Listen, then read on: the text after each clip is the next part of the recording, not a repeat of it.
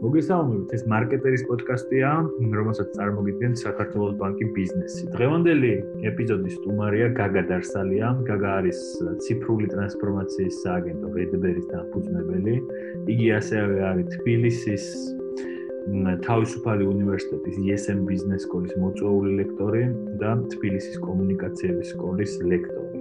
დღეს გაგასთან ერთად ვისაუბრებთ Redberry-ზე, იმ გზაზე, რაც ამ თავის დროზე სტარტაპმა გაიარა და დღეს უკვე სხვა სტარტაპებს ეხმარება რომ სწორ გზაზე დადგეს და გაგას ლექტორობაზეც, იმიტომ რომ გაგა იძახის რომ სტარტაპ დიზაინს ასწავლის და ბევრი ადამიანია რომელმაც ეს გაიარა და საკმაოდ კმაყოფილია. გაგა მოგესალმებით, მადლობა რომ მოიწ. მარჯობა აკო. მოიწ. სალამი აკო. პასტისთვის და დავიწყოთ. ბევრ დროს არ წაგართმევ. პირველი შეკითხვა. შეიძლება თუ არა სტარტაპის და ზოგადად ბიზნესის კეთება ისწავლებოდეს, იმიტომ რომ შენ კურს რომელსაც თბილისის კომუნიკაციების სკოლაში კითხულობ, ქვია სტარტაპ დიზაინი და აქამდეც თუ ცდები შემისწორე, შენ ძალიან ბევრ სტარტაპს პირადადაც ეხმარებოდი, ეხ ცდილობ რომ ხალხს ასწავლო, მაგრამ რა არის ის მინიმალური ცოდნა და უნარები, რაც უნდა იცოდეს იმ ადამიანმა სანამ შენამდე მოვა. თუ აი ის შეიძლება არაფერი არ იცოდეს, მოვიდეს გაგასთან, უნდა თავისი სტარტაპი დაიწყოს, ან რაღაც მცირე ბიზნესი, დიდ ბიზნესზე ოცნებობს, შეიძლება რომ ამ ხალხს ეს ვასწავლოს თუ რაღაცა მაინც ექონდეს DNA-ში. აა საინტერესო კითხვა არის რაღაცა ბევრი განზომილება აქ მე მგონი მაგ კითხვას და პირველი ალბათ ის არის რომ სწავლას როგორ გავსაზღვრავთ მოკლედ მაგაზე ძალიან არის მე მგონი დამოკიდებული საბოლოო ჯამში ეს ყველაფერი რა იმიტომ რომ ჩვენთან ახლა არ ვიცი ეს მე მგონი რაღაცა ჩვენი საგანმანათლებლო სისტემა როგორც არის სკოლებიდან მოწყობილი, მოკლედ მაქედან მოდის მე მგონი ეგ რომ სწავლას აღვიქვამთ ხოლმე როგორც ინფორმაციის ქონას. მოკლედ რომ რაღაც ინფორმაცია მაქვს, ესე იგი რაღაცა ვიცი რა. და ამ დროს სწავლა რომ რაღაცა აა ცოდნა მაქვს რეალურად რა, რაღაცა ვისწავლე. უფრო არის ინფორმაციის ქონის და გამოცდილების რაღაცა ნაზავი მოკლედ მე მგონი რა. და აი სტარტაპების ეთება სადაც ასწავლიან მოკლედ თუნდა აი მაგაგებით ასწავლიან რომ რეალურად გამოცდილებას იღებენ ადამიანები რა მაგ დროს მოკლედ და კეთებით ისწავლება საბოლოო ჯამში რა.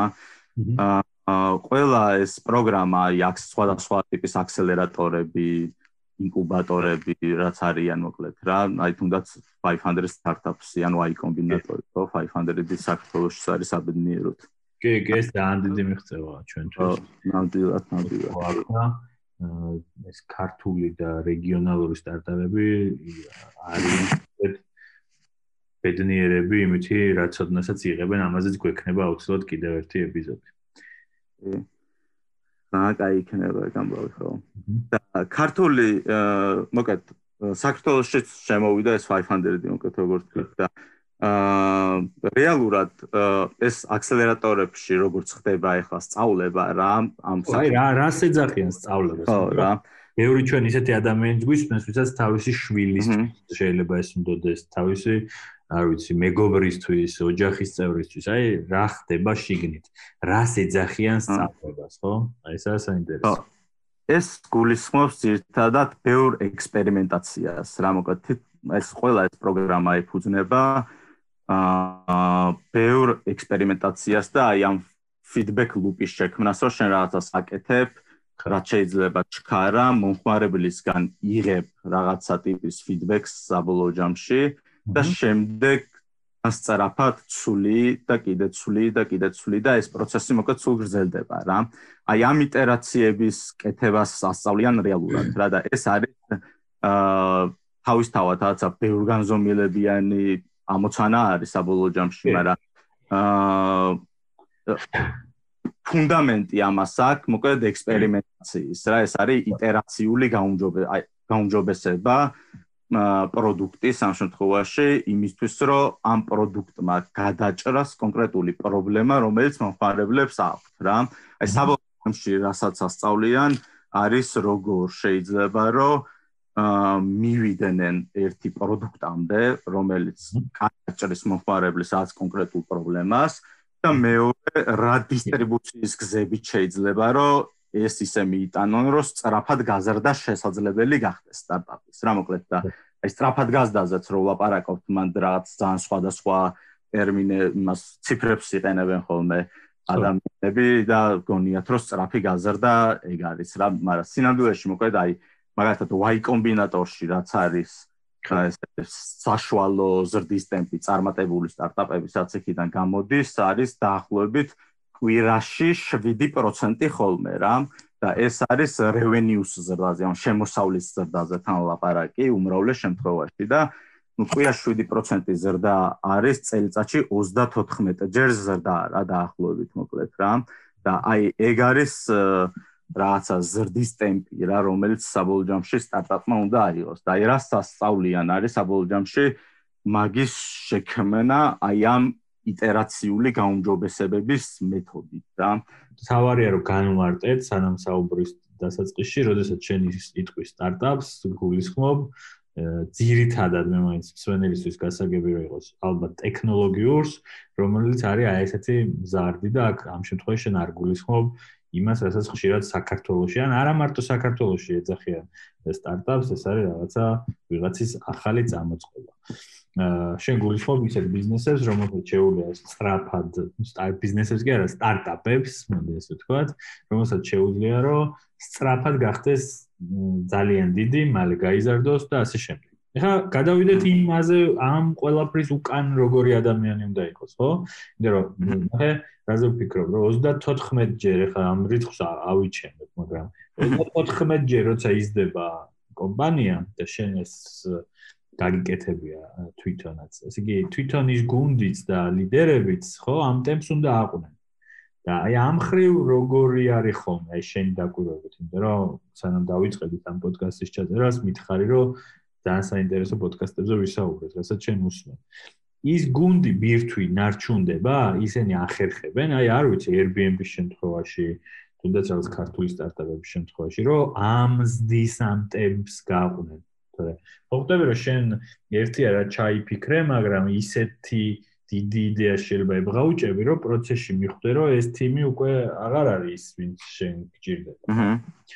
ვაი სიტყვი არ ვიცი ხა საქართველოს დაიწყე, მაგრამ გახოდი გლობალზე, ხო? ხა გლობალზე უკვე სხვა ამბიციები, აი საქართველოსდან გააკეთე, არ ვიცი, Facebook-ი, არ ვიცი, Volt-ი ქართული როგორ გამოიგო. მე რა იქ აი როგორ ხდება ხოლმე მაგას. შენ დაკვირვება გვაქვს. აი, ჩემი დაკვირვება ძირთად ეგ არის, რომ სტარტაპების სამყაროში დამფუძნებლებზე, მოკლედ რაც ძალიან ობსესიური დამოკიდებულებაც კი არსებობს, ეგრე ვიტყოდი რა, მოკლედ ანუ ის რომ თუნდაც ახლა მაგალითად Facebook-ში, ხო, რომელიც public კომპანია არის, უზარმაზარი ტექ გიგანტი არის, რეალურად დამფუძნებელს აქვს აა ბორდზეც ხმის უმრავლესობა, ანუ ერთპიროვნულად მართავს კომპანიას რა მოკლედ, რომელიც რამდენიმე ასეული მილიარდის valuation-ის არის ხო მოკლედ market cap-ი აქვს. აა ეგ მოკლედ ძალიან მეტყველებს იმაზე, რომ აი ეს დამფუძნებლების მიმართ ძალიან ესეთი ობსესიური დამოკიდებულებაც კი აქვს რა მოკლედ, ანუ ძალიან დამფუძნებლების მიერ აა driven არის თლიანად ეგ სამყარო რა. და მან ძირითადად მოკლედ დამფუძნებლებს უწევთ აი ძალიან ისეთი აა როგორ თქვა რა არა ადამიანური თუ რაღაც სარციკით ვერ გამოხატა ორამხელა ძალისხმევის გაღება რომ ეს სტარტაპი დასაწყისში აფრინდეს მოკლედ საფრენიკიდან რა ეგ არის რაც განსაკუთრებული ძალისხმევას საჭიროებს მოკლედ რა და ადამიანს მაგიტომ არის რომ მოკლედ ეს იდეის სიყვარული მნიშვნელოვანია რასაც აკეთებ რა იმიტომ რომ ეგ იდეა აძლევს ადამიანებს მაგ ძალას რომ ეგ ძალისხმევა გაიღონ რა საბოლოო ჯამში. ეს არის ძალიან ისეთი პროცესი როცა ცდილობ რომ მიხვიდე იმ პროდუქტამდე რომელიც აა ინდა რომ საბოლოო ჯამში შექმნა რა იმიტომ რომ ეგ პროდუქტი გადაჭრის ნამდვილად იმ პრობლემებს ადამიანებისთვის, რისთვისაც მაგას ქმნიდი და ეგიდი არის, რისთვისაც გაჩნდა საერთოდ რა. აა ხო და მაგაზაზე ისეთი თვითონაც ფაუნდერებიც საკმაოდ იცვლებიან ხოლმე როგორც წესი რა. და იდეაც იცვლება ხოლმე მათთან ერთად მოკლედ ხშირ შემთხვევაში რა. ეხა რო შევხედოთ თუნდაც აი Facebook-ს ხო მაგალითად Facebook-ი იყო დასაწყისში საუნივერსიტეტო კამპუსში რო ახალ მოსულ ადამიანებს ერთმანეთი გაეცნოთ მაგისი webguard-ი მოკლედ რა, რომელიც ნელ-ნელა გადაიქცა Facebook-ად საბოლოო ჯამში, ხო? ანუ Airbnb მაგალითად დასაწყისში იყო რა, რომ თავისი რაც WordPress-ი ააწყეს საიტი, რომელზეც დადეს თავისი ბინის ერთი ოთახი აა სადაც იყო Airbnb და Breakfast-ი რა, Airbnb and Breakfast მაგიტომ ქვია მოკლედ რა, ეს გასაბერი მატრაცი იყო და საუზმეს აჭრებდნენ ადამიანს რა მოკლედ. და ეგრე დაიწყო Airbnb მაგალითად რა რომელიც რაღაცა კლიენტ შეცვალა აა სტუმარმასპინძლობის ინდუსტრია მე მგონი. კი, კი. აქტურად ხო და მოკლედ აი ეს იდეაც და დამფუძნებლებით საკმაოდ დიდ ტრანსფორმაციას გადიან ხოლმე მოკლედ მაგ პროცესში რა ჩემი დაკვირვება.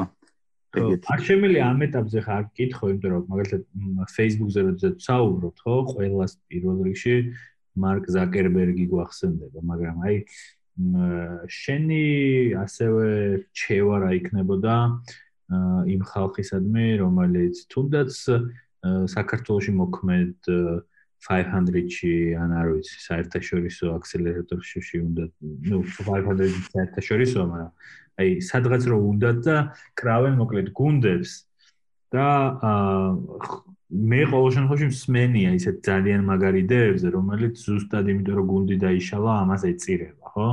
აი რამე ხო არ არის ეგრეთ წოდებული შეთანხმება, რაც უნდა გააკეთონ ამ ხალხმა სანამ ამ დინარეში შევლენ, რომელიც დაიცავდათ, ხო, მათ, იმიტომ რომ მე ხდება რომ ახლა შენ კი მარტივად მოყევი ეს ისტორია, რომ ჰარვარდისთვის გაკეთებული ვებგვერდი უთვეთ გახდა Facebook-ი. მაგრამ არის შემთხვევები, როდესაც აი ეს პირველადი იდეა რო უხვევს გზიდან, ხო, რომელიღაცა იდეის ავტორი ძახის რომ ჩვენ ხო ამაზე არ შევკრებილ ვართ აქ, ანუ ამას ხო არ ვემსახურებოდით და აი ამ ეტაპზე ხშირად ბევრი სტარტაპი განიცდის მოკლედ გუნდის დაშლას და მე რენო ეს სტარტაპიც რჩება წარსულში. რამეს რას ურჩევდი? მოკლედ იმ ხალხს, რომლებიც ხვდება, რომ სტარტაპ იდეა აქვს და მე უკვე წავიდეთ სტარტაპ იდეაზე, მაგრამ აი ეს გუნდის შეკრა, რა თან არიციან, აი ვის ენდონ, ვინ გაყვება ბოლომდე, ვინ იქნება იდეის ერთგული. რამეს რამე გვირჩია. აა ეგ ესეთი ძალიან გავრცელებული რამე არის. ნუ ზოგადად ახლა სტარტაპების აბსოლუტური უმრავლესობა ფეილდება, ხო საბოლოო ჯამში იდება ნიშნავს ოკვდება როგორც ბიზნესი. აა და მაგის გამომწვევი ერთ-ერთი ყველაზე ხშირი მიზეზი არის ეგ ამბავი სხვა შორის, რომ დამფუძნებლებს შორის არის რაღაც დაპირისპირება, რომელიც საბოლოო ჯამში იწვევს თუმე ამ აა სტარტაპის წარუმატებლობას მოკლედ. კი. აა და მაგისი ეგეაც შეთანხმებებით მგონი ფულია მაგის გადაზღვა საბოლოო ჯამში. უფრო მეტად ალბათ იმით გადაიზღვა ვისთან ერთად აკეთებ მაგ საქმეს რა საბოლოო ჯამში იმიტომ რომ სტარტაპის დამფუძნებლებს შორის ძალიან ნიშნულოვანი არის რომ არსებობდეს რაღაცა ესეთი ნდობა და პატივისცემა ერთმანეთთან რომელიც წლებით არის გამყარებული მოკლედ რა. ანუ აი მაინც და მაინც იმას არ ვიტყვი რომ მეგობრობა მეთქი. მაგრამ აი რაღაცა ურთიერთობა ეგეთი რომელიც მათ ეგ მოიტანა რომ ერთმანეთს ენდობიან და პატივს ცემენ რა. აა აი ეგ არის ალბათ ყველაზე კარგი გადაზღვა იმიტომ რომ რეალურად სტარტაპის დამფუძნებლები ერთად შედიან ისეთ პროცესში რომელიც ან ისეთი დატურთულ ანუ ადამიანისთვის რთული არის მაგისი გამოვლა რა საბოლოო ჯამში მაინც რა იმიტომ ძალიან დიდი ემოციური წნეხი ახლავს თან რა ვისაც მაგის გამოსტილება ქონია ცხოვრებაში ეგ ექნება გამოსტილი თავის თავზეც რა ანუ ეგ არის რომ აი რაღაცა ერთი კვირა ყველაფერი კარგად მიდის და გონია რომ არ ვიცი ასა სამყაროს შეცვლის ეს სტარტაპი მეორე კვირაში ძალიან ცუდად მიდის ყველაფერი და გონია რომ მალე მოკვდება ეს სტარტაპი აი ეგ რაცა როლერ კოსტერი რა როგორც იტყვიან მოკლედ არ თავდება რა სტარტაპის პროგრამაში არასდროს არასდროს რა ნუ სანამ რაღაცა ზომას არ მიაღწევს და სტაბილურობას მოკლედ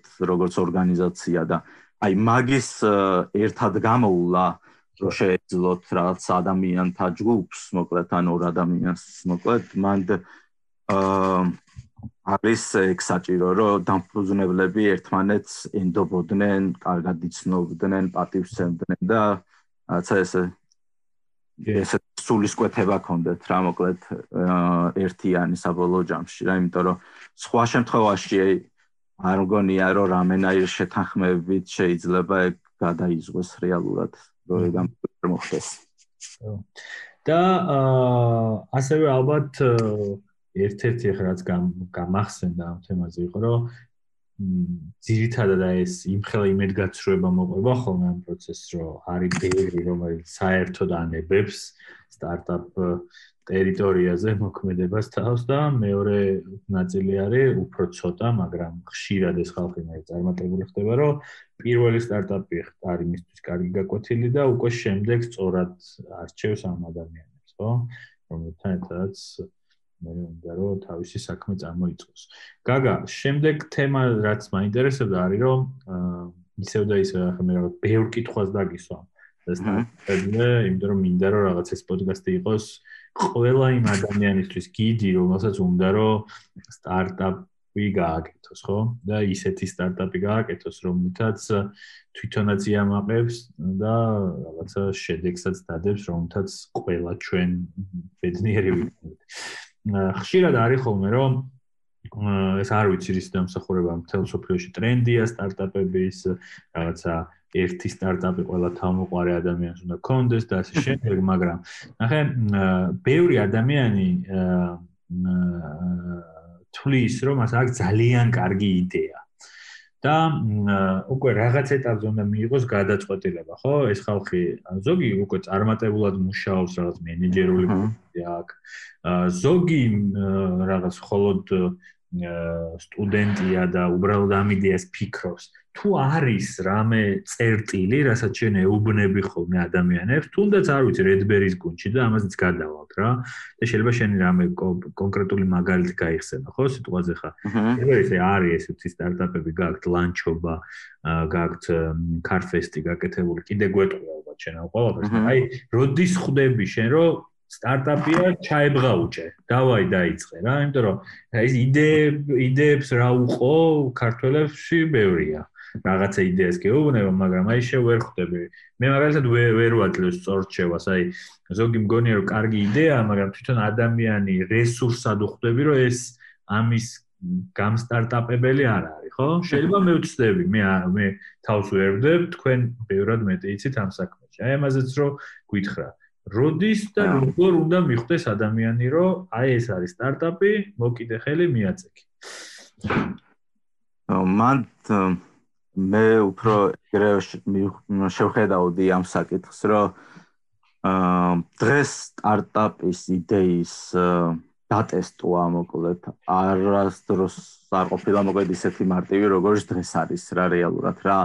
ანუ ძალიან თავარი მოკლედ რასაც რაც მიზნად უნდა დაისახოს ალბათ ადამიანმა ვისაც რაღაცა იდეა აქვს რომელიც განხორციელებაც უნდა არის რომ რაღაცნაირად დატესტოს რაც შეიძლება ჩქარა ეს იდეა რა მოკლედ. ანუ ამის დატესტვისაც ყველაზე მარტივი საშუალება არის რეალურად ადამიანებთან ლაპარაკი რა რაც ისეთი აა რაც ვაი კომბინატორში მაგალითად რასაც ასწავლიან ერთ-ერთი თავარი ორი რაღაცა არის რომ ოდი დაწეროს ადამიანებმა რომ პროდუქტი შეიქმნას და მომხმარებლებს რო ელაპარაკონ. რა მოკლედ ეგ არის ძალიან მნიშვნელოვანი რამე რა საბოლოო ჯამში და ლანჩობის მაგალითზე გითხარი ან ნებისმიერი სხვა აი როგორ დატესტეთ მაგალითად რომ უბრალოდ კითხეთ ხალხს თუ პროდუქტიც და ეს შეიძლება შემდეგ კითხვაზეც გადავდიოდეთ მაგრამ აი პრაქტიკული რაღაცა გითხარი რომ ჩათვალე გენელი გიხსმეს დაძაბული აქვს იდეა და ეხა შენ რასაც ეთქვი იმას იზამო აი რა გააკეთოს? აქვს იდეა ლანჩობაში რა ქენით. და თუ გენ ლანჩში შესავალიც გააკეთე როგორი სტარტაპია რო ახლა ვინც პირველად იგებს ამ ყველაფერს რომ მიხვდეს რაზე არის საუბარი. ლანჩობა არის მოკლედ ოფისებისთვის ციფრული კაფეტერია. აა და ჩვენ მოკლედ ოფისში ქონდა ეგეთი პრობლემა ჩვენ თვითონვე და ეგეც ერთ-ერთი ისეთი გავრცელებული ამბავი არის მოკლედ თო აი საკუთ შენთან რა პრობლემაც გაწუხებს მაგ პრობლემის გადაწყვეტაზე თუ მუშაობ და მაგისტვის ქმნის სტარტაპს ბევრად კარგ მოცემულობაში ხარ მოკლედ იმიტომ რომ ეს პრობლემა რაც უნდა გადაჭრა კარგად გესმის ეს შენ ტყავზე გაქვს გამოცდილი მოკლედ როგორც იტყვია ხო და აი ლანჩობაში ლანჩობაზეც ეგრე იყო მოკლედ რომ ჩვენ ქონდა ოფისში ძალიან ეგ პრობლემა რომ გარშემო იყო ძალიან ისე ფასტ ფუდები მარტო მოკლედ და აა სულ იყო ხოლმე ლანჩის პრობლემა რომ აი რა გვეჭამა მოკლედ არ ვიცოდით და რაღაცა ვიღაცებს ცოტა ჯანმრთელობის პრობლემების დაემართა. აი ნიკოს მაგალითად ვინც ფუზნებელი იყო. აა იყო რა არის ხო და აა და მოკლედ რეალურად ეგ პრობლემა რო გვაწუხებდა და აუდექით და მოკლედ ვებსაც ვკითხეთ რა პირველ რიგში ვკითხეთ ჩვენს კლიენტებს მაგალითად ჩვენს მეგობრებს ვინც სხვა ორგანიზაციებში მუშაობდნენ და ველაპარაკებოდით მოკლედ ამაზე რა მაგ პრობლემა რომ ასეთი პროდუქტი რო შევქმნათ თუ გაძვირ ანუ ხო ის ვკითხეთ რომ ხო სად მივიდა რომ ამ ბევრს ეშინია თავის იდეის ვერ გეტყვი. აქ ესეც ხო არის გავრცელებული რომ ვერ გეტყვი და რატო ვერ მეტყვი? იმიტომ ვერ გეტყვი, რომ ისა არ მინდა რომ რაღაც გაბაზრდეს და დამასწროს ვიღაცამ. თქვენ კონკრეტულად პირდაპირ იდეა უთხარით თუ პრობლემაზე ელაპარაკებოდით? თქვენს პრობლემა გაქვთ ლანჩის თუ პირდაპირ ჩვენ როგორ წესი პრობლემაზე ველაპარაკებით ხოლმე რა ჩვენ ახლა სტარტაპ სტუდიაშიც რა მეთოდოლოგიითაც მუშაობთ მოკლედ მანდაც პრობლემაზე ველაპარაკებით ხოლმე რა ანუ მომხმარებელთან პოტენციურ მომხმარებელთან ინტერვიუებს რას საკეთებ რა ეს მომხმარებელთან დალაპარაკება რასაც ქვია მოკლედ. აა ეგ არის საჭირო ხოლმე რომ იყოს პრობლემაზე ორიენტირებული რომ კარგად გაიგო რა შემდგომარეობს ეს პრობლემა მოკლედ რა და რამდენად მწვავი არის ეგ და ნამდვილად ხო აწუხებთ და ასე შემდეგ რა მოკლედ. აა იმიტომ გადაწყვეტაზე ლაპარაკი ანუ იდეაზე ლაპარაკი არის მაგ დროს ის რომ ნუ აი თუ მეგობარს ელაპარაკები გეტყვის რომ კარგი იდეაა ხშირად და აა კარგი იდეა არის მაგ დროს შეფასება აა არა ისეთი ადამიანის ვისაც თვითონ ტკივა ეგ ამბავი და მაგიტო ამბობს რომ კარგი იდეაა რა არამედ უბრალოდ შეიძლება იდეა მოეწონა ესე კარგად ჟღერს ან ასე მეგობარია შენ და კეთილგან წყობილია შენ მაგრამ რაღაც ეგეთი რა მოკლედ ანუ მაგიტო არის მნიშვნელოვანი პრობლემებზე ლაპარაკი მომხმარებელთან, რომ ეგ გაიგო რა შემდგომარეობს, რა აწუხებს კონკრეტულად, რამდენად წავია, რომ მე მოიფიქრო როგორ გადაჭრა და ხშირად ეს მომხმარებელთან ლაპარაკი ცulis ხოლმე აა იდეასაც რა პროდუქტის იდეას თვითონ თავისთავად რა იმიტომ რომ ახალ მოცემულობებს იგებ მაგითი რა რეალურად ეხა არ ვიცი ალბათ პირველ 8-10 ეგეთ ინტერვიუს რო გააკეთებ, მოკლედ რაცა სხვა სხვა ადამიანებთან, მით უმეტეს თუ კარგად შეარჩევ ცოტა მაგ ადამიანებს, აი იმდენ რაღაცას იგებ, მოკლედ რომ მაგას აი ვერანაირი ინტერნეტში რისერჩით მაგალითად ვერ გაიგებდი რა. აა ხო და ეგ არის ძალიან მნიშვნელოვანი ხოლმე რა, ჩვენც რაც ეგრე დავიწყეთ მაგალითად თავიდან ლანჩობას რო ვაკეთებდით. აა და მივხვდით ეგეთ რაღაცას სხვა შორის რომ აა რომელ კომპანიებსაც რა და ეს ჩვენ კლიენტებს მიუყევით და რომელ კომპანიებსაც მოკლედ კაფეტერია ქონდათ ოფისში. ხო? ან გაცილებით ნაკლები პრობლემა იყო ლანჩის ვიდრე სხვაგან მოკლედ რა, სადაც კაფეტერია არ ქონდათ. იმიტომ რომ ნუ ბევრი ოფისისთვის ახლა ზომის თვალსაზრისით კაფეტერიისთვის სივრცე გამოიყოს და რაღაცა შესაძლებელი არ არის მოკლედ რა და მან დავფიქრდით პირველად მაღაზე რომ ხო არ შეიძლებოდა როგორმე ეს კაფეტერიის გამოცდილება რაც არის გადაგვეტანა აპლიკაციაში რა მოკლედ რეალურად და აა ეგრე შეიქმნა ლანჩობა, მაგრამ ლანჩობას მოკლედ თავიდან არ ვიცი რამდენიმე თვე ტესტავდით Redberry-ზე ფაქტიურად მარტო რა. და ლანჩობის MVP რაც იყო, ანუ პირველი პროდუქტი ლანჩობისაც იყო, ავაწყეთ არ ვიცი, მე მგონი ერთ ღამეში, ანუ ორ დღეში, რაღაც მოკლედ ძალიან ცოტა დროში, რადგან საშილად გამოიყურებოდა გადახდები არ ქონდა, საიტი იყო მარტო. და რაღაც პირდაპირ მონაცემთა ბაზაში ვამატებდით მეორე დღეს მენიუს მოკლედ რა, მაგრამ სამაგიეროდ შევძელით, რომ ორ დღეში დავიწყეთ დატესტვა მაგ პროდუქტის მოკლედ რა. აი რჩევაში რო გადავთარგმნოთ, ანუ შენი ძახი ანუ MVP, ანუ პირველადი პროდუქტი შექმენით და თავარი იყო რო სტრაფად დაგეწყოთ. აი სვენელისკენ წავიდეთ ხა? ხო.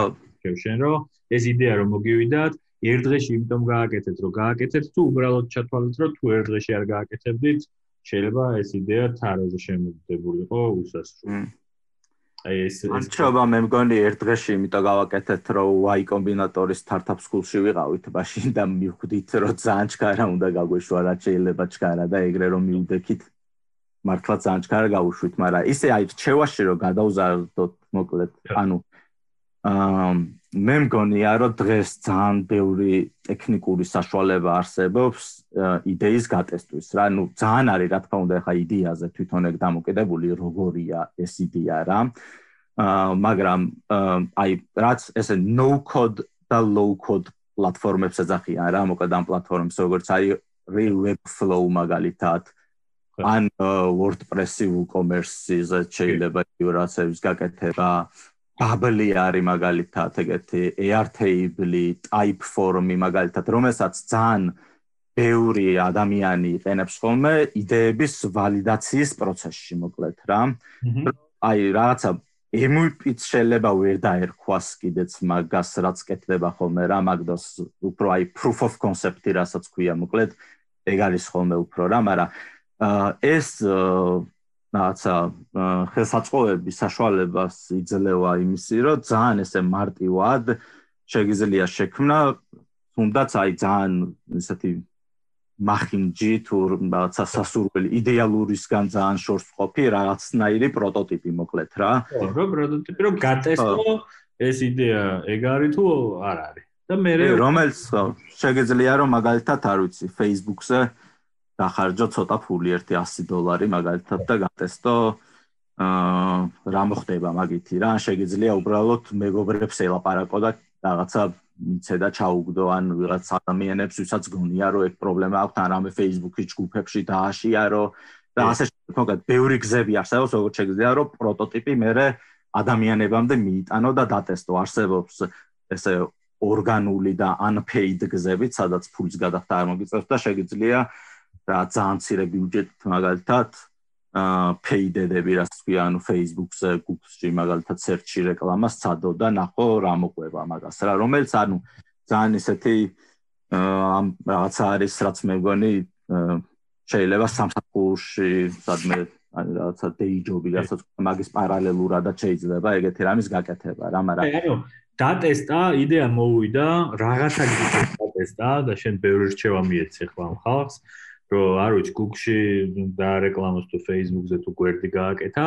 მე რა ხდება? ანუ უყურე ისევ მივდივარ ჩემ ტვინში, როგორი ხალხიც მახსენდება, ერთი პერფექციონისტები, რომლისთვისაც ახლა კარგ რჩევებს იძლევი რომ დაიწყონ, შეიძლება პირველი საიტი იყოს მახინჯი, ცუდი, მაგრამ დაიწყონ, ამას ეუბნები, მაგრამ მე იცი სად მივდივარ, რომ აი ეს ფიდბექი როცა იღებ ხო რა ხდება ძირითადად ადამიანებს რა გვემართება? შენ რომ მეც მემართება შენს რომ რაღაცა დამცველები უხდებით აი თავდაცვით პოზიციაში ვდგებით რომ აი აკომ კი მომ მითხრა რომ ეს ლანჩობა თუ 1 საათით დაგვიანებით მოვა ცუდია მაგრამ აი მაგ დროს რა ხდება? აი რას ურჩევდი? იმ ხალხს რომ მიმღებლობა გქონდეთ თვითონ ამ ფიდბექის ან უგო პირიქით რა ხო იცი ახლა ორი კაცი დაგიკომენტარებს რა საშინელება უნდა გაუქმდესო და შენ რო გონია რომ სამყარო ჩამოინგრა. აი ამ ამ ეტაპზეც რო რა უკვე ეს არის შემდეგი ჩემ ეს უკვე როცა რაც მომხმარებლები როცა უკვე ყავს ესე იგი რაღაცა ცოტა არა რო გატესტე აი რო გატესტეთ მაშინ ხო მოელი რომ აუცილებლად ყველა სამსვე მოეწონება ხო? და რა თქმა უნდა, კი. ხო, აი ეს მოლოდინიც რო სწორი არსებობს. ხო, მან მოკლედ ერთი ამ რაღაცა პროდუქტის პირველ გაშვებაზე ის ხდება ხოლმე, რომ ცოტა მოკლედ ფრუსტრირებულია ხოლმე ზოგჯერ ხალხი რა, ჩემი დაკვირვებით მოკლედ და მათ ფრუსტრაციას ძირითადად იწვევს ის თუ ის რომ ძალიან დიდი ეფორტი აქვს ხოლმე დახარჯული მაგამდე როგორც წესი. რა, აი, რაც უფრო მოკლედ ესე ამ იდეას ელოლიავები და აი რაღაცაზე ფიქრობ და გიგემო და არ ვიცი რა, მე შეიძლება პროდუქტს ძალიან დიდხანს აკეთებ, იმიტომ რომ გინდა რომ რაღაც იდეალური გაუშვა ბაზარზე და ასე შემდეგ. აი მაგასაც უფრო მეტად აკეთებ, უფრო გრანდიოზული ხდება ეს რისკი, მოკლედ რომ ფუტურირებული დარჩე, როცა გაეშვება ეს პირველი პროდუქტი რა, იმიტომ რომ რაცა ფეიერვერკებს ელის ხოლმე ხალხი მე მგონი როცა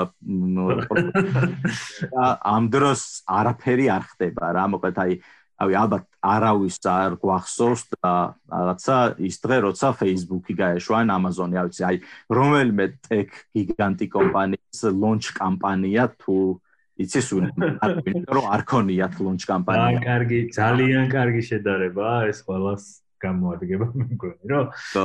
რაცა რომ მოელიან რომ აი მე გაუშვი ინტერნეტ მაღაზია და რაღაც სასწაული. კი კი. და ამ დროს უცებ არაფერი არ ხდება და აი მაღაზე თუ გაქვს ნამუშევარი რაღაც ერთი წელი და ფული დახარჯე მაგაში ბევრი და რაღაცა. ეგ მე ისეთ ფრუსტრაციას იწვევს რომ ფიდბექს მიიღებ კი არა რა ვიცი რა მოკლედ აი შეიძლება ან თავი დაანებო ან აგრესიული გახდე ძალიან რაღაც მოკლედ ემოციები ძალიან მოზვავდება ალბათ რა და ну რაც უფრო ისე ხარ წასული რომ აი ცოტა ეფორტი დახარჯე ეგრევე რაც იდეა მომივიდა მალევე გავტესტე პრინციპში არ ვიცი ერთი კვირა ვიმუშავე მაგაზე რა. ანუ მაგდროს უფრო მეტად მზად ხარ რომ თუნდაც უარყოფითი ფიდბექი მოისმინო იმიტომ რომ შენ თვითონაც იცი რომ რაღაცა რაც გააკეთე იდეალური არ არის მოკლედ და უფრო იმიტომ გააკეთე რომ რაღაცა დაგეტესტა და ხარ რომ ვიღაცისგან ვინც მომხმარებელია ფიდბექი მოისმინო, გაიგორო ამას რავი, რაღაცა არ მოწონს მაგალითად რა, როგორც არის გაწყვეტილი და მე დაფიქრდე, რომ რაღაც რას მეუნება, ეხლა სწორი ხო არ არის, მე სხვასაც დაელაპარაკო და რაღაცა მაქედან დასკვნებს რო გამოიტან, მიხვდე რა უნდა შეცვალო საბოლოო ჯამში ამ პროდუქტში რა. მაგრამ ეს საბოლოო ჯამი რო თქვი, ეხლა არ არის სწორი ეგ ხმა, იმიტომ რომ საბოლოო ჯამი არ მოდის რა, ანუ ეგ პროცესი რომ მოკეთ მომხარებელთან მიხვიდე და ელაპარაკო და მაგათგან მოისმინო და მე დაბრუნდე და პროდუქტი განავითარო, არის ციკლური პროცესი, ისევ მე მომხარებელთან უნდა მიხვიდე და ისევ განავითარო მოკეთ და ეგ არის ზუსტად ლინ სტარტაპს რასაც ეძახიან მოკლედ რა. ერთი კითხვა მაქვს რომ დავაზუსტო, ნახე, ჩვენ საუბრობთ რომ ავი ჩემე ჩემე 34.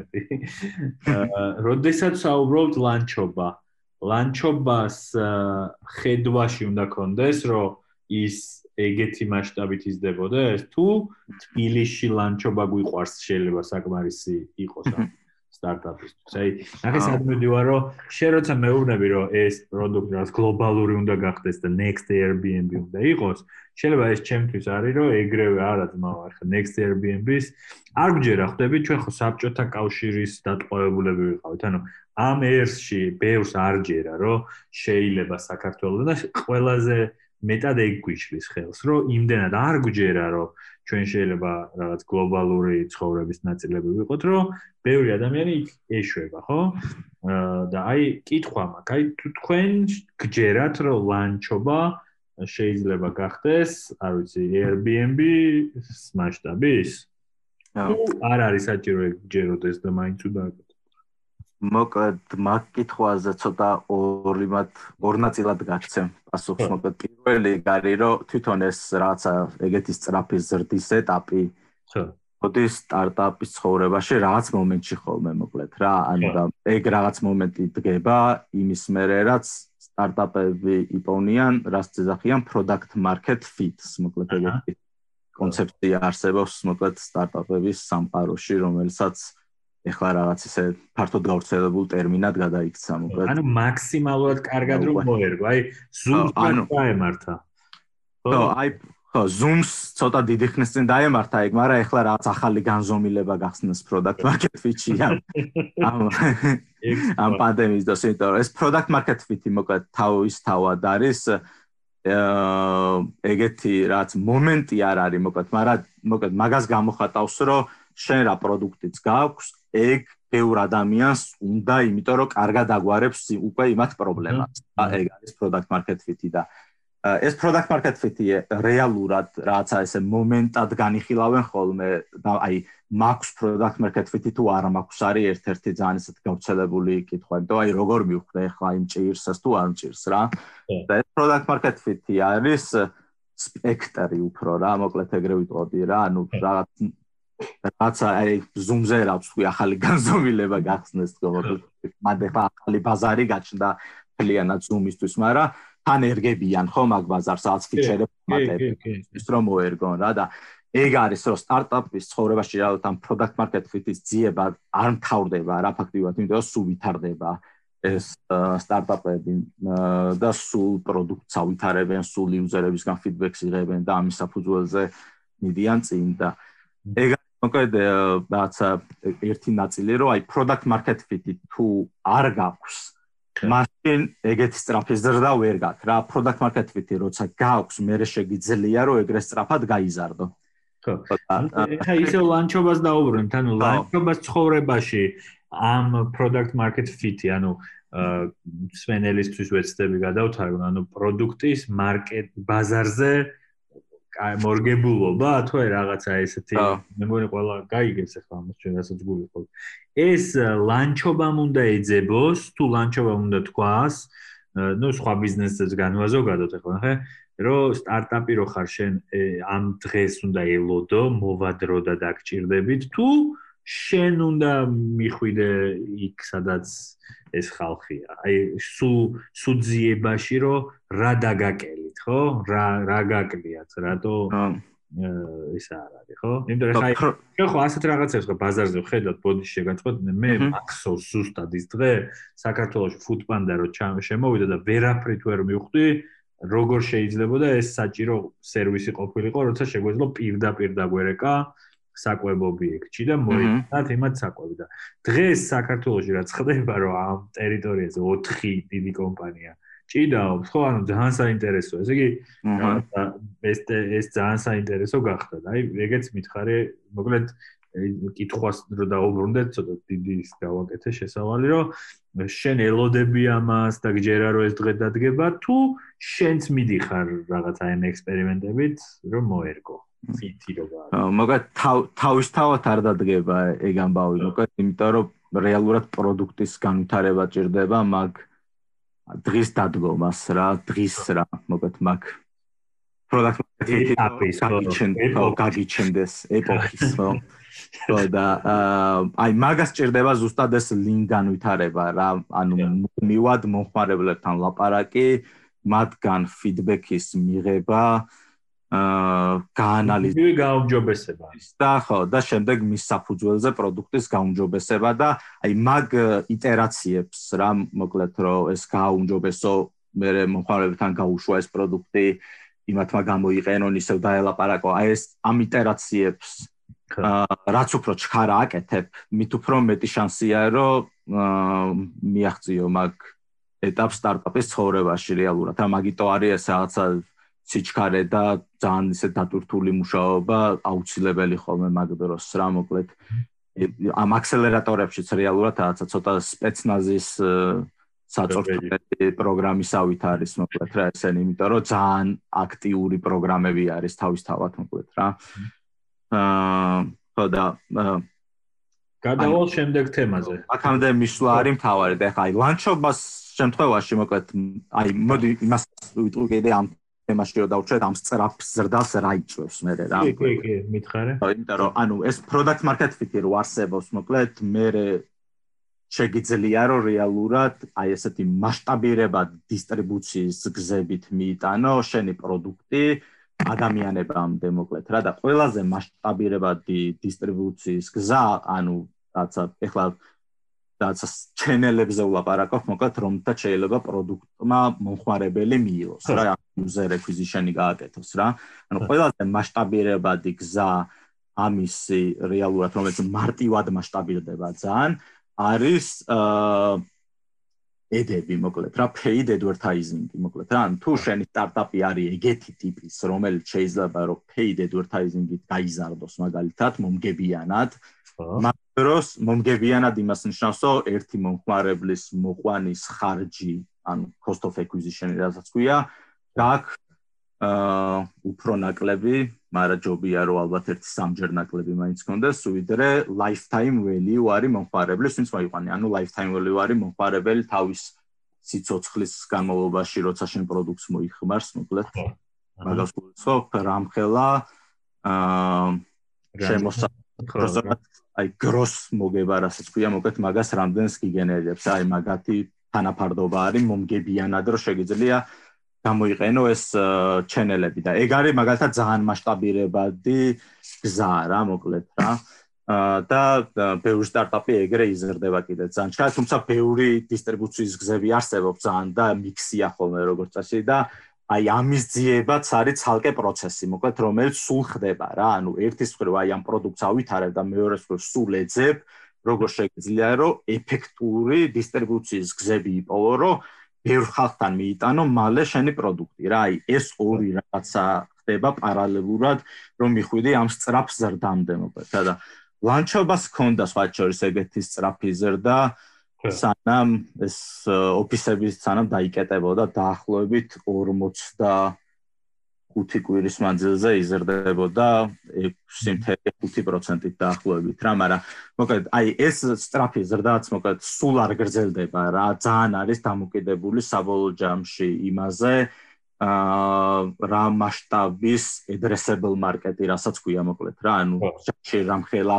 ბაზარსაც შეიძლება მოიმსახუროს ეს პროდუქტი მოკლედ სტარტაპი რა მოკლედ აი ამ addressable ეს addressable market-ის საბოლოო ჯამში სტარტაპისთვის რამხელა არის? ეგ ძალიან არის ხოლმე გადამწყვეტი რამდენი ხანი გრძელდება ეს სტრაფის და იმიტომ რომ ხა მაგალითად ისე ლანჩობა თუ რაღაცა დარჩება მარტო თბილისში რაღაც მომენტში ამოიწურება და მორჩა. ხო მარკეტის იმაზე გავა მაგალითად რა. აა რაც კიდე ან ბევრად მალე მოხდება მაგ ზრდის შეჩერება სინამდვილეში ხო იმიტომ რომ ეს addressable market-ი ყოველთვის უფრო დიდი გონია ვიდრე არის სინამდვილეში ჩვენთვის მოპოვებადი და მაგ დროს მნიშვნელოვანი არის ზუსტად აი ამ კაპიტალის მოზიდვა იმისთვის რომ შეძლო გაფართოება და სხვადასხვა რეგიონებში გადასვლა და აშენდეთ. რა ეხა მაგალითად აი ამერიკულ სტარტაპებს რა უპირატესობაც აქვს ევროპულ სტარტაპებთან შედარებით ხოლმე არის რომ იმათვის ექსპანჟენი, ანუ ეს გაზრდა.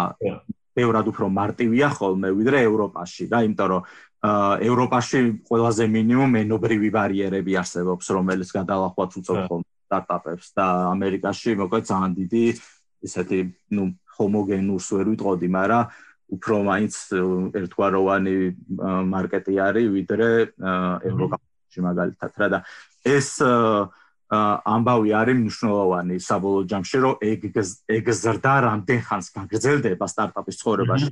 აგაზე დამოკიდებული რამდენად ეს სტარტაპი შეძლებს მე რომ ეს თავისი addressable market-ი რაც ერთი ქვეყნიდან თუ ერთი ქალაქიდან გაზარდოს და ამის ხდება თქომე ეს კაპიტალიო სწრაფად გაიზარდონ. მაგრამ ეხლა მანდ გააჩნია კიდე როგორ სტარტაპზეა ლაპარაკი, იმიტომ ხა software-ზე თუ არის ლაპარაკი, მან საზღვრები არ არის და ეგრად მარტივად არის ყველაფერი. ანუ გუნდები ხა ბევრნაირი არსებობს, მოკლედ ზოგ გუნდში ვიღაც გამოკვეთილი ლიდერი არის, რომელსაც ну ლიდერებიც ბევრნაირები არსებობენ მოკლედ მაგაზე რო არ ჩაუღურმაოდეთ ახლა თორე შორს წაგვიყვანს მე მგონი ეგ ამბავი მაგრამ მე რაც ჩემი მჩნევია ჩემი გამოცდილებით მოკლედ განსაკუთრებით სტარტაპებში ალბათ ისევ რა აი საქმე სადაც სწრაფად უნდა გაკეთდეს და შედეგი სწრაფად დაიდოს მოკლედ უფრო ეგრე ვიტყოდი რა მოკლედ ეგეთ გუნდებში არის ხოლმე ყოველთვის რაღაცა კონფლიქტი, ან კონსტრუქციული კონფლიქტია ეგ რა. ანუ მოკლედ, აი გუნდი თუ ძალიან აი არ ვიცი, ერთ ტალღაზეა, არ ვიცი როგორც აი რა სინერგია თუ არსებობს გუნდში მოკლედ რა რეალურად.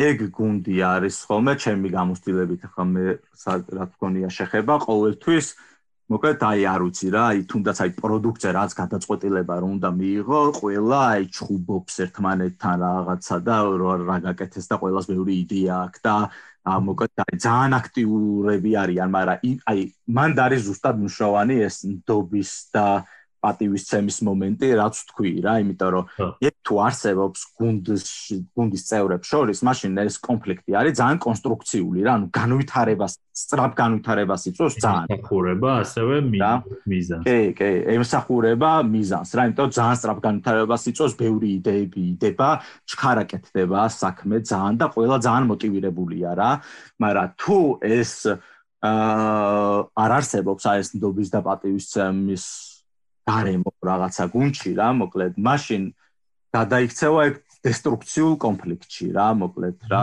მან არაფერი აღარ გამოვა. ხო დესტრუქციულ კონფლიქტში არაფერი აღარ გამოდის რა იმიტომ რომ მანდ უკვე ადამიანები არიან რაღაც დათრგუნულები ორიენტირებულები იმაზე რომ რაღაცა ერთმანეთთან ურთიერთობებში რა ხდება რაღაცა მოკლედ ანუ სხვა ანუ მოკლედ ფოკუსი და ყურადღება გადადის საქმეში შედეგის დადებიდან ეს რაღაც ურთიერთობებზე მოკლედ რა. ხო და მაგიტო მოკლედ აი მგონია რომ ეგ არის გუნდში თავარი რა, ანუ იმაზე მეტად რომ მოკლედ რაღაც არ ვიცი რა სიმკაცრე იყოს გუნდში ან რაღაც არ ვიცი რა მეგობრული გარემო ხა ბევრნაირი მაგალითები არსებობს მოკლედ რაღაცა მაგამ ბავში წარმატებებსა. ჩემი აზრით ისე რაღაც გუნდის სამბავში ცოტა სპორტული გუნდის სამბავში არის ყველაზე კარგი მე მგონი ყველაზე ეფექტური უფრო სწორედ გუნდი როცა არის ცოტა სპორტული გუნდები როგორც არიან ეგრე რა მოკლედ რა სადაც აი ეგ ყველაფერი ხდება ხოლმე რა მოკლედ ჯამში და შედეგი წიდება და მაგრამ აი ეს კონსტრუქციული კონფლიქტი არის მგონია ესეთი მთავარი ინგრედიენტი მოკლედ რომელიც წარმატებას და სწრაფგანვითარებას იწვევს რა საბოლოოდ. კარგი, გადავიდეთ შემდეგ თემაზე. 2019 წელი Redberry-ის ისტორიაში განსაკუთრებულია ალბათ. აა, იმიტომ რომ მართლაც უნიკალური შემთხვევა მოხდა და პირველად სრულიად ადამიანურ კაპიტალ კაპიტალზე დაფუძნებულ ბიზნესში უსხვილესმა ინვესტორმა ჩადო ინვესტიცია, ხო? და რა მოხდა რეალურად, რომ ბიჯეო ადგა და თქვა, რომ Redberry-ში დებთ ინვესტიციას, ეს არის 3.2 მილიონი დოლარის ინვესტიცია, დღესდღეობით ეს დაახლოებით კი ალბათ 10 მილიონი ლარიც არის. და თქვენ მაშინ თქვით, რომ ჩვენ პარალელურად ვქნით სტარტაპ სტუდიას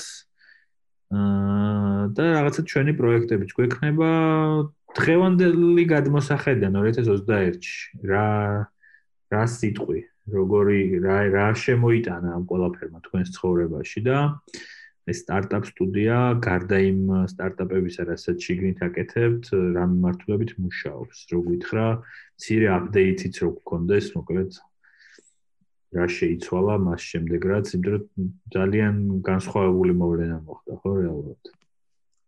ო რაც ესეთი უნიკალური მოვლენა არის მე მგონი მაშინ მაინც იყო მინიმუმ ეხლა რაცა ბევრი ინვესტიციები კეთდება სტარტაპებში უშუალოდ რა ხო მაგრამ მაინც განახალბილად სხვა სხვა განზოგება იყავით იმიტომ რომ ეს მაინც ჩვენ თქვენ თქვით რომ ჩვენ ადამიანები ვართ და ამაში უნდა ჩა რა რაღაცა დიდად ისინი რაღაც სოფტები და ბიზნესები და რაღაცები არ გქონდათ და სამშენებლო ფაქტები Redberry მოკლედ თავისთავად არ არის სტარტაპი, სააგენტო ვარ, მოკლედ სააგენტო ვიყავით და სააგენტო ალბათ არის სტარტაპის საპირისპირო მხარეს, იმიტომ რომ ყველაზე რთულად მასშტაბირებადი ბიზნესია მე მგონი, რავი.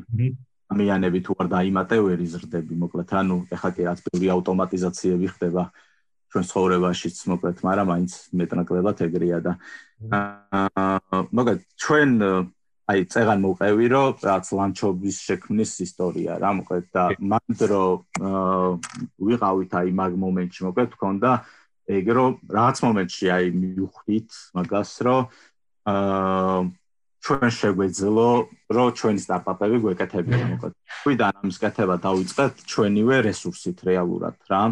აი ლანჩობა მაგალითად თავიდან რომ შევქმენით ჩვენი რესურსით შევქმენით აა შემდეგ მოკლედ ჩვენი და ჯორჯია კაპიტალის ზები გადაიკვეთა მოკლედ და აი ნუ ჩვენ ახლა რა საქმესაც რა საქმის კეთებაც გვინდოდა სტარტაპ სტუდიის შექმნა მოკლედ რა ეს აა მოდელი თვითონ არის საკმაოდ ისეთი ახალი მოდელი სტარტაპების განვითარების მოკლედ რა რომელიც თავის თავში გულისხმობს იმას რომ სტარტაპების განვითარებისთვის ფინანსურ რესურსს და ადამიანურ რესურსს ორივეს აწუდის სტარტაპებს სტარტაპ სტუდია რა.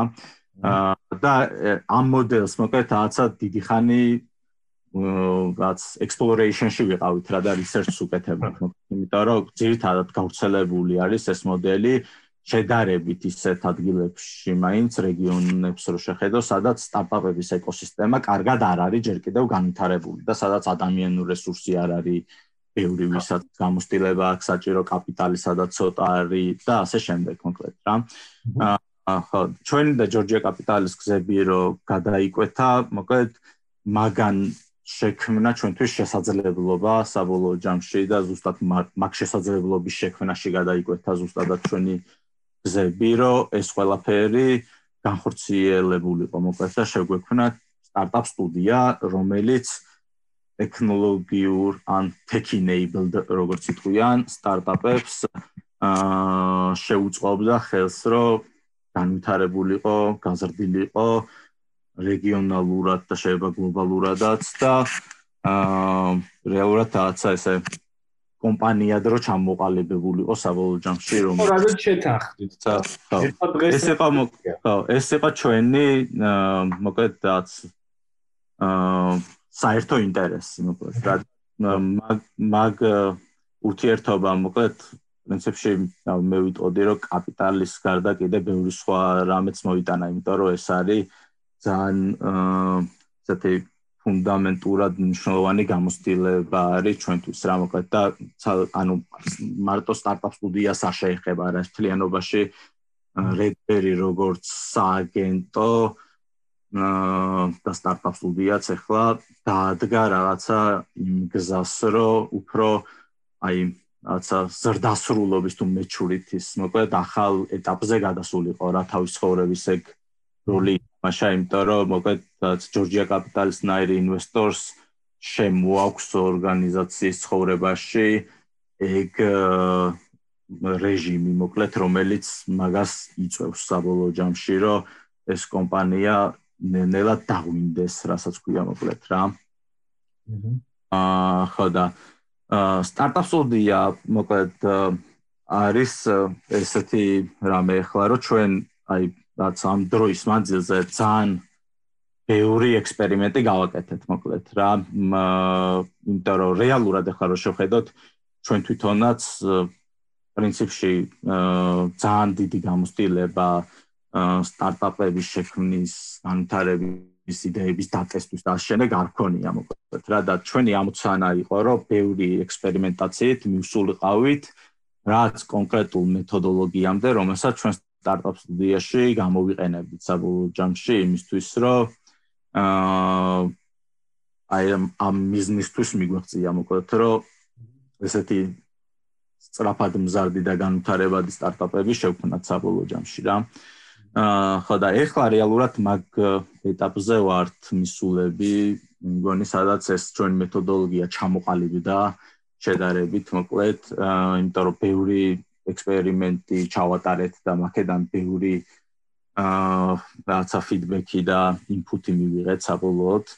აა და ეხლა მოგეთ უფრო ორიენტირებულები გავხდებით იმაზე, რომ მეტი წვლილი შევიტანოთ ჩვენს გარემოში, მოკლედ ასაბოლოო ჯამში და სტარტაპ სტუდიის საქმიანობა რას მოიცავს ახლა რა ეს არის აა რო წარმოიდგინოთ მოკლედ აი ფანელი რა ძაბრი რაც არის მოკლედ რა აი sales funnel-ი როგორც არის მაგალითად აი სტარტაპ სტუდია არის ბევრი ესეთი ფანელების რაღაცა ნაერთი თუ ლაბირინთი არ ვიცი რა და ყველაზე მთავარი ფანელი არის ეგ რომელიც იწყება იდეების გენერაციით და ამისაც ჩვენი მეთოდოლოგიები გვაქვს როგორც შიგნით ვაკეთებთ იდეაციას ასევე გარედანაც ვაკეთებთ იდეაციას მაგისტვის რაღაცა ჩვენ პროგრამას შევქმენით ახლა ცალკე, რომელიც აქამდე რაც საპილოტე პროგრამა იყო, ჩვენი პრეაქსელერაციის პროგრამა ეგრევე ძახით მოკლედ და ამ საპილოტე პროგრამაში ეს ხელი ჩერჩეული უნდები ყავდა, თუმცა ახლო მომავალში ვფიქრობთ, რომ ღია პროგრამას გავაკეთებთ, ანუ open call-ით რომ ხდება, ხდება მოკლედ. სპენერის გასაგები რომ იყოს, შეიძლება არ მუშაობდეს თქვენთან, მაგრამ რაღაც სტარტაპი გაქონდეს, მოვიდეს, თქვენ გაატაროთ თქვენი პროგრამა, თქვენს მიერ შემუშავებული, პლუს ამას შეიძლება თქვენ გახდეთ მისი ინვესტორი, ხო? ზუსტად, კი, ზუსტად. და და ეს ჩვენი ფანელის შემდეგი ეტაპი იდეების გენერაციის შემდეგ და ფანელის მუღამი ეგ არის რომ მოკლედ ერთი ეტაპიდან მეორეზე რო გადადიხარ შუაში რაც ფილტრი არის რომელიც ამ ყველაფერს გენერა წრიტავს მოკლედ რა. და მოკლედ ამ იდეების გენერაციის შემდეგ მეორე ეტაპი მოკლედ ეს პირველადი ეს ფილტრი თუ გაიარა მოკლედ პირველ შემდეგი ეტაპი არის თუმე იდეის ვალიდაცია. მოკლედ, რომლისთვისაც ასევე ჩვენი ფრეიმვორკი გვაქვს, ეფუძნება ძირითადად digital marketing-ის სხვადასხვა ხელსაწყოებს, მოკლედ და ესეთი რა ბევრი დატესტილი ფრეიმვორკი არის უკვე ეს, როგორც ვაკეთებთ იდეების ვალიდაციას, ეს არის რომ მოკლედ ძირითადად რას ვაკეთებთ ხოლმე რა, რომ რამე პროდუქტის შექმნა თუ გვინდა, ვაკეთებთ ან მის ძალიან ძალიან მარტივ ვერსიას, აი როგორც რაღაც ერთ კვირაში გაშვებადი რო იყოს. აი მაგალითად შაბათობა იყო იდეის ვალიდაცია, რაც გავაკეთეთ ცოტა ფაბლიკზე, რაც შეიძლება შეხვდა თუნდაც სადმე. აა ან ვაკეთებთ ხოლმე შეიძლება უბრალოდ landing page, სადაც მოყოლილი არის იმ პროდუქტზე, რომელიც ჯერ არ არსებობს საერთოდ, რა, მოკლედ. თუ განსაკუთრებით თუ software as a service არის ლაპარაკი რა. აა და მან ვცდილობთ ხოლმე რომ მოკლედ აი ჩვენი value proposition-ი რაც არის მოკლედ აი მომხმარებელმა რაც უნდა მიიღოს ამ პროდუქტიდან ვცდილობთ ხოლმე რომ ვალიდაციის ეტაპზე გავიგოთ რამდენად არსებობს მომხმარებლებისგან მაგისი საჭიროება მოკლედ რა რაც მიდი რამდენად აქვს რა მოკლედ. და მაგას უკვე რაცა ერთი რომ მოკეთ რაოდენობრივადაც უზომავთ მანდ რა თქმა უნდა რა იმიტომ რომ რადგან digital marketing-ის ხელსაწყოებით ვაკეთებთ ყველაფერი გაზომვადი არის რა რეალურად. რა მე ამ landing page-ზე ედებს გავუშვებთ ნახავთ ტრაფიკი რომ მოვა რას იზავენ მაგალითად თუ დასაბსკრაიბდებიან ან თუ რაღაცა მარტივი პროდუქტიდან შეუყვეთავენ რამეს ან რაღაც ეგეს თუ იზავენ რა და მეორე ნაწილი ამ ვალიდაციის პროცესს აქვს ისევ ეს მომხმარებელთან ლაპარაკის რაღაცა ცალკე ინტერვიუების მოკლედ დიდი ნაწილი რომელსაც ახლა მარტო საქართველოსში არ ვაკეთებთ მოკლედ ამ ვალიდაციის პროცესს რა ანუ რაღაცა და პანდემიის დროს მივხვდით მაგას რატომღაც სხვა შორის აი კორონა ვირუსის ამბავი სანამ არ დაიწყო იქამდე ვაკეთებდით მარტო საქართველოსში რა. აი თითქოს მან ხო რაღაცა დიდად არაფერი არ შეცვლა მაგრამ უცებ მივხვდით კორონავირუსი რომ დაიწყო, რომ რატო არ შეიძლება ზუსტად ეს ვაკეთოთ სხვაგანაც, მოკლედ და აუ იმის მერე ვერ ქვეყანაში ვაკეთებთ ხოლმე როგორც წესი. ხო და მოკლედ აი ვალიდაციის მერე თუ რაღაცა კარგი პოზიტიური შედეგი დავინახეთ რა, მოკლედ მერე ვიწყებთ ხოლმე პროდუქტის შექმნას, მოკლედ რა, ეგ არის რაღაცა ესეთი პროცესი რა, მოკლედ პროდუქტის შექმნის მერე რაც ხდება, ილაპარაკეთ ერთ მაგაზე რაღაც ნაწილი. კი, კი, კი. ცოტა ხნის. გაგა, დიდი მადლობა.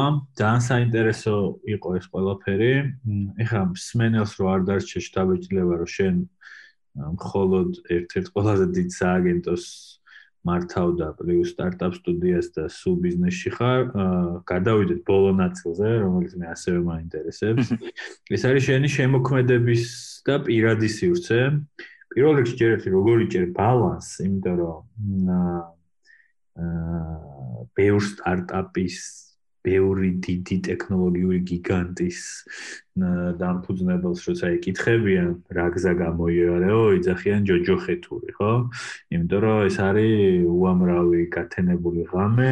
ეხაც როცა ჩვენ ამ პოდკასტს წერთ ღამის 2 საათი რატო? იმიტომ რომ ეს არის შენთვის და შეიძლება ჩემთვისაც ყველაზე მშვიდი დრო. აა უნდა მომიყვე აუცილებლად როგორი ჭერ ერთის ხრო ბალანს თუ გაქვს რაიმე წესები რომელთაც იზახი რომ ოკეი აი გაჩერდი და ახლა წადი სახში და პლუს ამას მე ყოველას ურჩევ გამოიწერო შენი ინსტაგრამ არხი სადაც მუსიკალურ შემოქმედებასაც გადააწყდება და აი მუსიკის როლზეც რომ მითხრა რატო არის ეს საჭირო? რა ხა ამას არ გეკითხები უბრალოდ რომ მე ვერთობი, მე მგონი ეს არ არის შენი ერთობი, ეს რაღაცეებში გეხმარება შენ და აი ამაზეც რომ მოგვიყვა საერთოდ როგორ მოხდა, იმიტომ რომ მე რაღაც აღმოჩნდა რომ რაღაც ამისისა ვარ.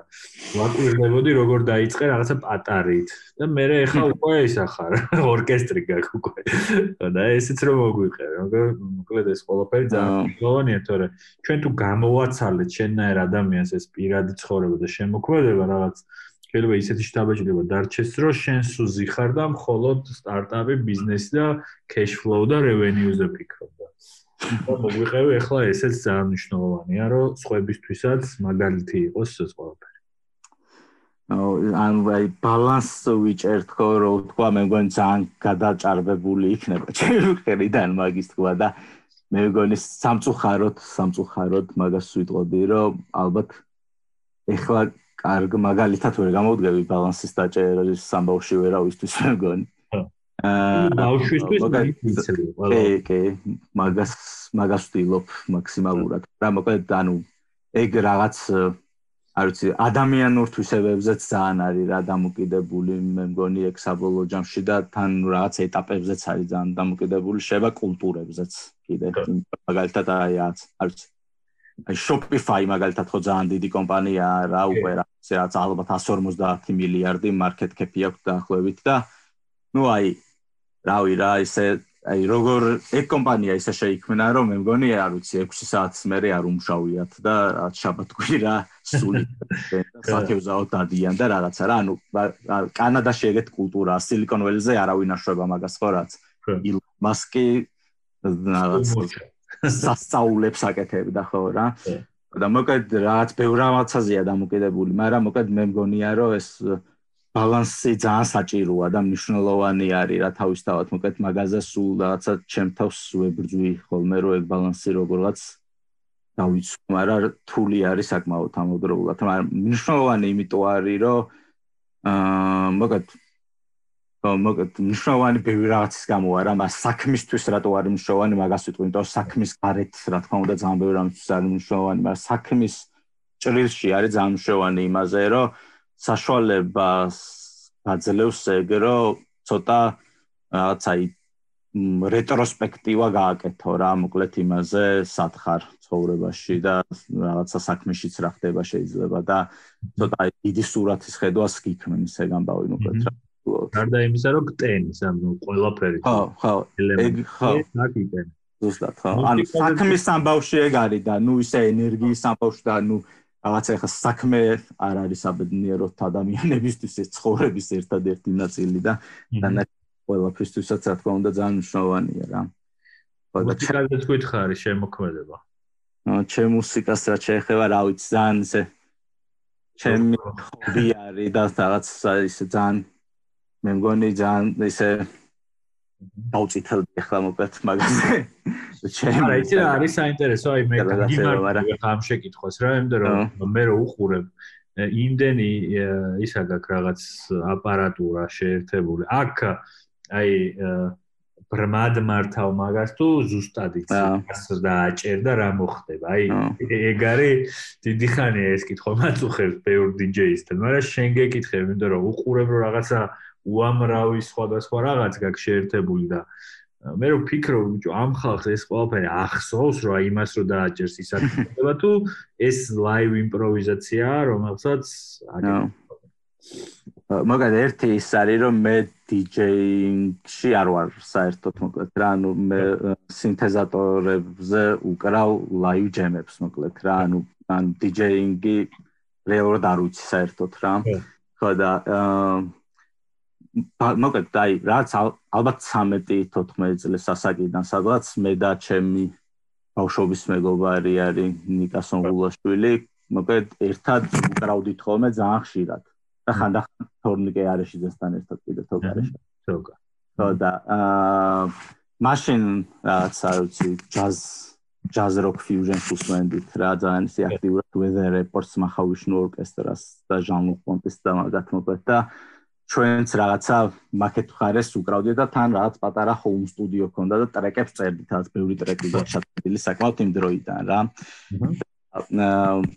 მე მოკლედ რაღაცა აი უნივერსიტეტის წლებში დავანებეთ მოკლედ მაგას მაგ ამბავს თავი რეალურად, მაგრამ აი მან კარგი ეგარი რომ ბავშვობაში რაღაცა ხობი რაც ქონია ადამიანს.